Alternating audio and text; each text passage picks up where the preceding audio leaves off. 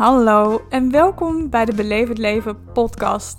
Ik ben Leonie en ik maak deze podcast speciaal voor jou voor als jij even in een mentale min zit. Op een van mijn stories op Instagram kreeg ik namelijk superleuk de reactie: alles roept levensgenieten. En hoewel ik dat heel graag uitstraal en daarmee ook andere mensen, zoals jou, wil inspireren, voelde ik ook dat dat op dit moment niet 100% de waarheid is. De afgelopen week en nog steeds heb ik namelijk heel erg last van ups en downs. En ik vind met name de ochtenden en de avonden op dit moment moeilijk, mentaal gezien. Daarom neem ik je graag even mee in mijn eerlijke verhaal. Maar ik ga je ook vertellen hoe je ermee om kunt gaan als je even in een mentale min zit.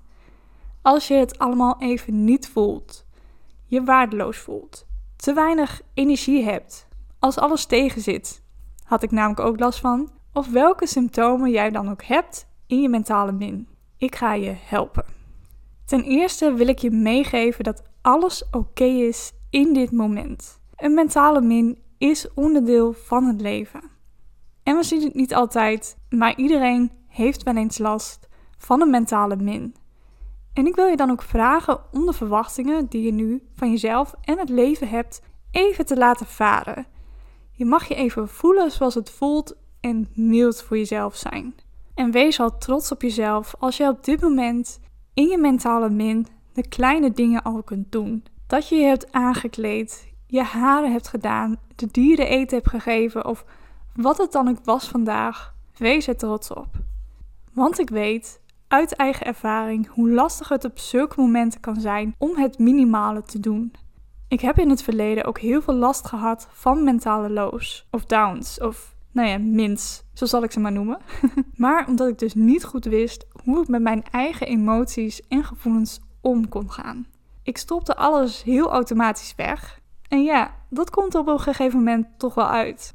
En ik weet nog heel goed dat bepaalde dingen me in zulke periodes gewoon niet lukten. Het beantwoorden van berichtjes voelde mentaal heel zwaar. Ik wist mezelf geen houding te geven. Er was niks waar ik blij van werd. En dat is voor mensen die niet zo ervaren soms heel lastig om te begrijpen.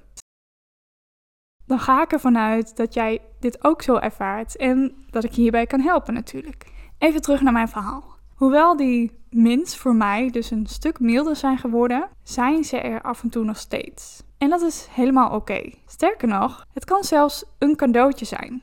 En luister vanaf dit punt ook vooral verder als je eraan toe bent om meer suggesties te horen, hoe jij het voor jezelf aan kunt pakken en daarin kunt groeien. En ik kan me voorstellen dat je denkt: een cadeautje, hm, juist. Snap ik helemaal dat je die gedachte hebt, maar dat jij je op een bepaalde manier voelt, is vaak een trigger van iets in jou, van een verlangen. Of een stuk dat je nog niet geheeld hebt, iets wat nog gevoeld mag worden. Maar als je daar doorheen gaat, geloof me, het wordt altijd beter. En bij mij was het in dit geval ook iets heel, heel kleins wat mij heeft getriggerd. Maar wat stiekem al langer op de achtergrond sluimerde. En ik vind het een beetje lastig om uit te leggen, omdat het waarschijnlijk een beetje abracadabra, abracadabra wordt. omdat het een samenhang is van kleine momentjes. Maar om het toch een beetje concreet te maken, het miste bij mij aan vertrouwen. Vertrouwen in mezelf. En er is iets, iets heel kleins, wat mij heeft getriggerd, wat van alles los heeft gemaakt. Maar ik moest hierbij echt even op reis in mezelf. Want wat jij voelt, zijn vaak de symptomen. Het zijn de uitwerkingen. Je herkent vast wel dat jij je misschien op een bepaalde manier voelt, maar niet goed snapt waarom. En om je hiermee te helpen ga ik nog even een paar simpele voorbeelden geven om het wat begrijpelijker te maken. En misschien is het heel inherent aan hoe je je nu voelt. Zie ze even puur als voorbeelden om het te gaan begrijpen. Neem bijvoorbeeld jaloezie. Jaloezie is een hele maskerende emotie want het triggert een ontevredenheid in jezelf. Je ziet iets bij de ander wat jij stiekem zelf ook wel graag zou willen hebben. Het kan ook zijn dat je veel behoefte hebt aan controle. Dat wijst er misschien op dat je een tekort aan vertrouwen hebt in jezelf of misschien in de ander. En eigenlijk kunnen we altijd alles wat we in de ander zien altijd terugleiden naar onszelf. Houd het daarom altijd bij jezelf. En in het boek De Berg dat bij jij van Brianna West staat het heel mooi omschreven. Elke negatieve emotie die we ervaren, heeft een boodschap die we nog niet kunnen ontcijferen. Ik zeg hem nog een keer. Elke negatieve emotie die we ervaren, heeft een boodschap die we nog niet kunnen ontcijferen. Daarom is het zo belangrijk om even op reis te gaan in onszelf. En de kunst is dus niet om er overheen te komen, om maar te gaan zitten, af te wachten tot het voorbij is. Want vroeg of laat komt het dan gewoon weer bij je terug. Ga het dus niet negeren, ga het niet wegdrukken, maar ga kijken wat ze je proberen te vertellen. Ga het oplossen, ga het doorvoelen, want het maakt je leven zoveel beter. En als je nu voelt dat je in de weerstand gaat, pak er dan even pen en papier bij om de volgende vraag te beantwoorden. Om even te gaan schrijven slash journalen. En doe het ook als je niet in de weerstand bent trouwens. Pak pen en papier en beantwoord de vragen die ik nu ga opnoemen. En ze komen uit het boek De Bergtap ben jij. Noteer voor jezelf de antwoorden op de volgende vragen. 1. Waarom voel ik me zo? 2. Wat probeert dit gevoel me te vertellen over de actie die ik probeer te ondernemen? 3.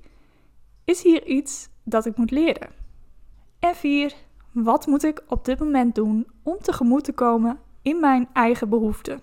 Want onze emoties zijn er ook om ons iets te vertellen. Ga ze opschrijven, praat erover met een vriendin of zoek misschien een expert die jou kan helpen op dat gebied. Want wij mensen zijn er heel goed in om het groter te maken dan het is. En als je er met andere mensen over praat, dan krijg je vaak weer andere perspectieven en kun je het misschien makkelijker relativeren. Goed, dat was optie 1 van de dingen die je kunt doen in een mentale min. Het is, in mijn ervaring, altijd een beetje de kunst om te balanceren. Je wilt voelen, niet wegdrukken, maar ook niet te veel blijven hangen in het negatieve in die negatieve spiraal, zodat je er uiteindelijk in verzandt. En als je merkt dat het laatste gebeurt, dan is het zaak om te kiezen. Om de keuze te maken dat jij kiest. En dat is ook een stukje mindset, dat het leven een feestje is, maar jezelf de slingers op moet hangen. In de mentale min is dat misschien niet helemaal de goede zin, maar je kiest zelf voor het leven. Je kiest zelf dat er ook mooie dingen in het leven zijn. En dat jij kiest waar je op dit moment op focust. Want waar je aandacht aan geeft, dat groeit. Trek dus je mooiste kleding aan. Geloof me, je voelt je daardoor echt beter. Doe een leuk make-upje op. Zet keihard de muziek op om even mee te dansen. Dat zelfs de hond zich afvraagt wat je in hemelsnaam aan het doen bent. Dat gebeurde mij namelijk. en daarom is het ook zo belangrijk om te weten waar jij blij van wordt. Maak daarom een blijlijstje. En dan ook van hele kleine dingetjes die jou blij maken van het dansje doen, van met de hond wandelen, van iets creatiefs doen. Want als jij weet wat je leuk vindt, wat je blij maakt, kun je daar ook op terugvallen als jij je even iets minder voelt. En belangrijk is ook dat je in beweging komt. Mijn ouders zijn op dit moment op vakantie, dus ik pas op de hond. En ik laat de hond meerdere keren per dag uit. Na elke wandeling voel ik me toch een stukje beter. Dus, conclusie: ga voelen wat jij nodig hebt. En soms kan het ook juist fijn zijn om afleiding te hebben. Om er even op uit te gaan. Alleen jij kan voelen en ontdekken wat je nodig hebt. Ga daar ook mee experimenteren. En als laatste, wat mij ook heel erg helpt trouwens, is om even in te checken bij mijn innerlijke kind. Sluit even je ogen en stel je even voor dat er binnenin jou een klein meisje of een jongen zit. En dit is heel intuïtief hoor. Je eerste ingeving klopt, maar hoe zit dat kindje erbij? Met gebogen schouders, omdat ze gebukt gaat, onder een hoop stress of angst? Is ze verdrietig? Heeft ze een boze blik? Of staat ze met de rug naar je toe? En maak daarna ook contact. Ga in gesprek. Wat heeft dat kindje nodig? Misschien wil ze wel het liefde of een knuffel van je. Of misschien wil ze wel gewoon gezien worden. En dat is ook een teken voor jou. Geef dit, wat dat kindje nodig heeft, ook aan jezelf. Als jij de behoefte hebt om gezien te worden, ga dan eerst onderzoeken op welke manieren jij jezelf kunt zien. Want een ander kan je natuurlijk helpen en het leven mooier maken, maar die kan het leven niet voor jou gaan leiden. Dus daarom is het zaak om erachter te komen hoe jij zelf met je eigen emoties, met je eigen behoeften om kunt gaan. En dit is ook een goede tip voor mezelf trouwens. Ik vergeet dit vaak. Ik ga daarom direct hierna, als ik heb opgehangen. Als ik de podcast heb afgesloten, ga ik even een innerlijk kind meditatie doen. Ik merk dat dit wel heel fijn werkt om met mijn innerlijke kind, maar ook dus de behoeften in mezelf, om daarmee beter in contact te zijn. En ook in te checken hoe het even gaat. Ik heb het namelijk wel een tijdje gedaan. Waarbij ik even incheckte van hoe zit ze erbij. En nu heb ik dat een beetje verwaarloosd. En dan voel ik ook dat ze een beetje verdrietig is. Dat ze zich klein maakt. En nou goed, genoeg over die behoeften. En misschien, ik denk dat ik er binnenkort ook een zelf ga maken. Omdat ik soms heel erg zoekende ben naar meditatie die voor mij fijn is, die voor me werkt. En houd daarom ook zeker even mijn podcast en website beleefdleven.com in de gaten. Dus luister naar jezelf. Ga voelen wat je nodig hebt. Luister naar je lichaam, want die geeft ook veel signalen af. Ga even liggen als je hoofdpijn hebt. Drink genoeg thee en wees lief voor jezelf. En weet ook, this too shall pass. Ook dit gaat voorbij. Denk maar eens in het verleden waarin je een vervelend moment had en niet goed wist hoe je mee om kon gaan. Ook die momenten zijn voorbij gegaan. En dat is met dit ook zo.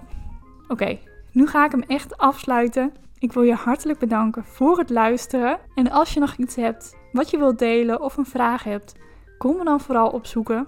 Ik ben het meest actief op Instagram, Beleef het Leven. Leuk als je een reactie geeft op de podcast, me volgt en een sterrenreview geeft. En dan wil ik je hartelijk bedanken voor het luisteren. Wees lief voor jezelf en tot de volgende. Doei doei!